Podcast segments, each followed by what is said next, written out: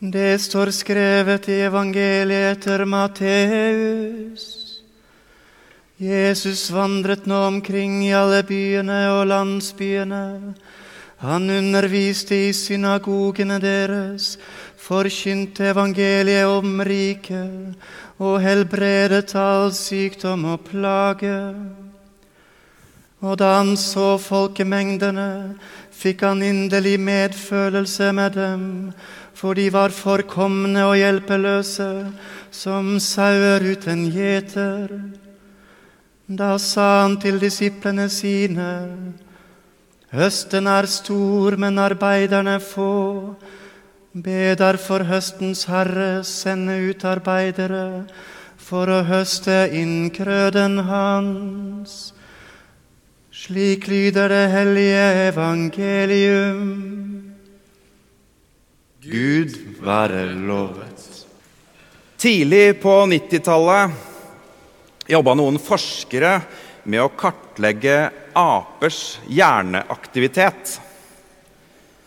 En av oppgavene besto i å registrere hvordan nevronene oppførte seg når apene spiste rosiner. En dag plukket også en av forskerne opp noen rosiner og slang dem i munnen. Tilfeldighetene skulle ha det til at i det samme rommet satt en ape klar til nye forsøk, koblet opp med diverse ledninger til hjernen.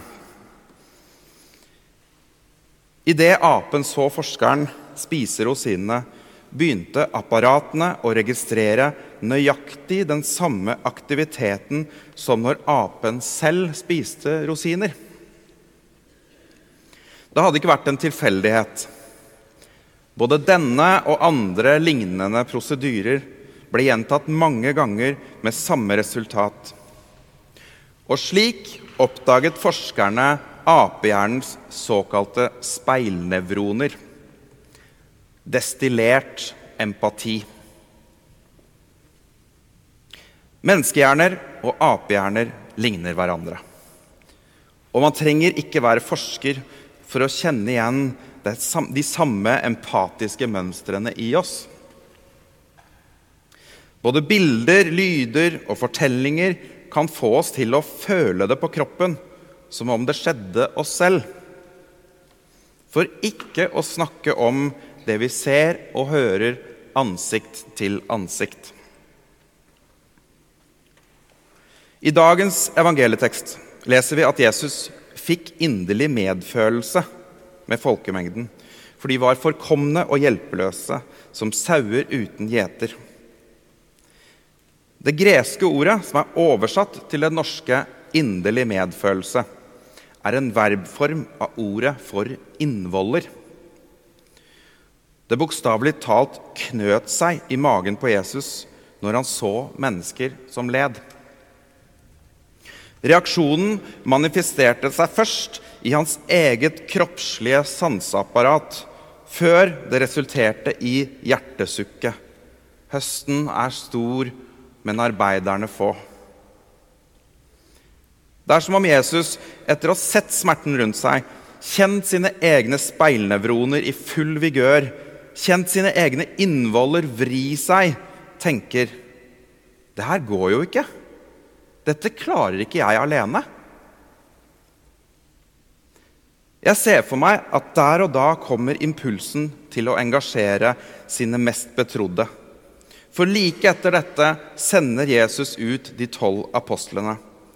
Gå ut og gjør det bare jeg har holdt på med fram til nå, og det alle mine etterfølgere en gang skal gjøre.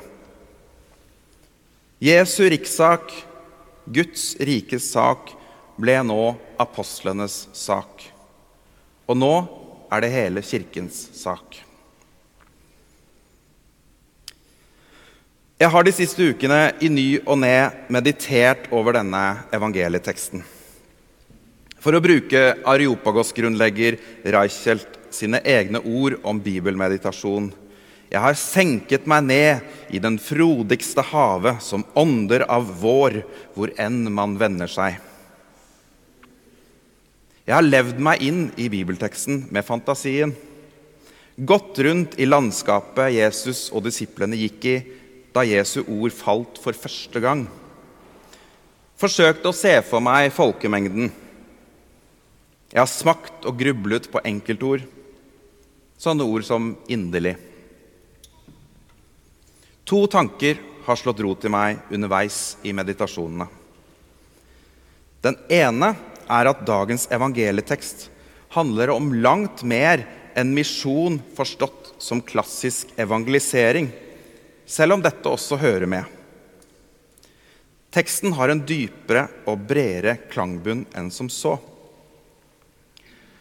Jesu inderlige medynk, hans innvollsvrengende reaksjon da han så folkemengden, kom ikke fordi han så immaterielle sjeler uten en åndelig hyrde. Nei, han så en fysisk flokk fulle av udekte behov. Kroppslige behov, psykiske behov, relasjonelle behov og eksistensielle behov. Men han så også mye mer enn det. Det var som når forhenget mellom tid og rom blir trukket til side for et lite øyeblikk. Han så og se. Der og da så Jesus i et glimt hele menneskehetens lodd. Fortid, nåtid og fremtid. Vår nedarvede elendighet. Kriger, sorger, smerte, sult de nær utilgivelige og ødeleggende ordene som har falt, og som faller mellom mennesker. De dødelige skuddene utenfor London pub under pridefeiringene forrige uke. Og tsunamien av følelser som fulgte i kjølvannet av den terroren. Skeive og streites fortvilelse over å ikke få samles til felles markering. Berettiget sorg, angst, sinne, tungsinn og nummenhet. Jesus så alt sammen og kjente hele hans indre i opprør. Der og da ba Jesus sin far om å sende ut arbeidere for Guds rike. Der og da, men også nå. Han ber fremdeles om at det sendes arbeidere ut for å ta del i innhøstningen. Ut og hjelp folkemengden, hvor enn den befinner seg. Den andre tanken som slo ned i meg, var denne. Hvis Jesus så alt da Jesus så folkemengden og fikk, middel, fikk inderlig medynk, da så han også deg og meg. Jesus så alt du har opplevd, og alt du står i av gleder og sorger. Høsten er stor også inni hver enkelt en av oss. Ditt indre liv er også fullt av behov. Derfor tror jeg at Jesus også ønsker å sende oss til oss selv. Jesu utsendelse begynte som nevnt med en indre reaksjon.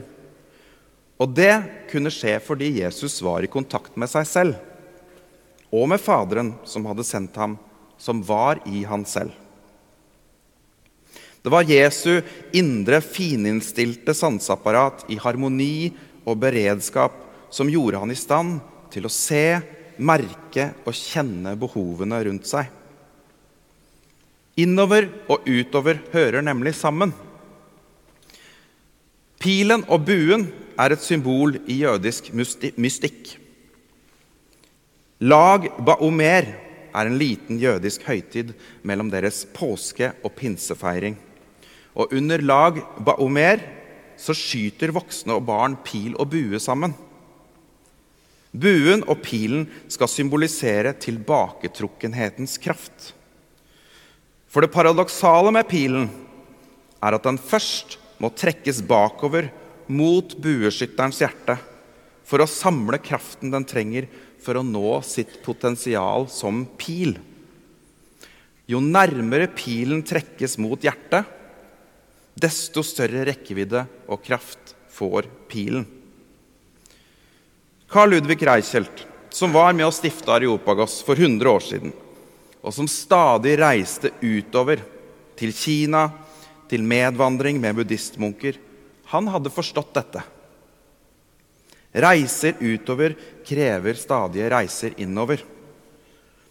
Reichelt skriver Ti just der inne er det at Gud åpenbarer seg, der inne i vårt vesens avgrunn. Ikke ved å fare opp til himmelen finner jeg Gud, ikke ved å fare ned til avgrunnen, ikke ved å fare utover alle vidder. Nei, innover må jeg, innover til meg selv. Der finner jeg Gud, meg selv og alt som lever.